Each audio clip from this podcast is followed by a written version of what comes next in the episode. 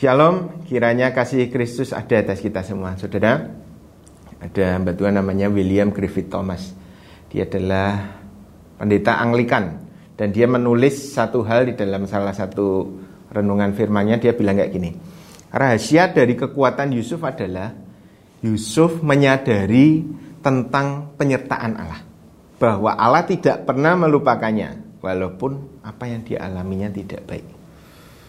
Nah memang kalau kita baca, kita merenungkan Yusuf itu salah satu dari sedikit tokoh perjanjian lama yang karakternya lempeng saudara, karakternya lurus. Nah menurut William Griffith, karakter yang sempurna ini dia bangun. Yusuf membangun karakternya dari iman percayanya kepada Tuhan. Yusuf percaya Allah akan selalu menyertainya dan menolong. Nah iman Yusuf ini ada di dalam kejadian 50 ayat 20 Ayat yang sangat terkenal. Saya akan bacakan. Memang kamu telah mereka-rekakan yang jahat terhadap aku Tetapi Allah telah mereka-rekakannya untuk kebaikan. Amin. Dengan maksud melakukan seperti yang terjadi sekarang ini Yaitu memelihara hidup suatu bangsa yang besar. Saudara Yusuf tabah.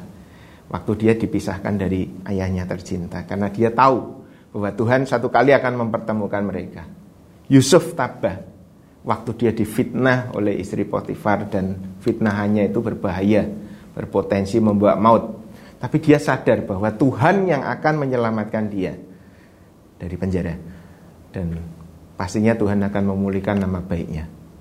Kemudian apa lagi? Yusuf tabah. Meskipun juru minuman itu melupakan dia. Karena dia tetap sadar dan yakin bahwa Tuhan punya waktu yang tepat. Dan betul, ketika waktunya tiba Yusuf diminta menafsirkan mimpi dari Firaun. Ya, itu pun yang Tuhan yang kasih kepada Firaun. Dan dari situ singkat cerita nasib Yusuf berubah. Saudara, Yusuf selalu tabah karena dia punya kesadaran yang kuat di dalam dirinya.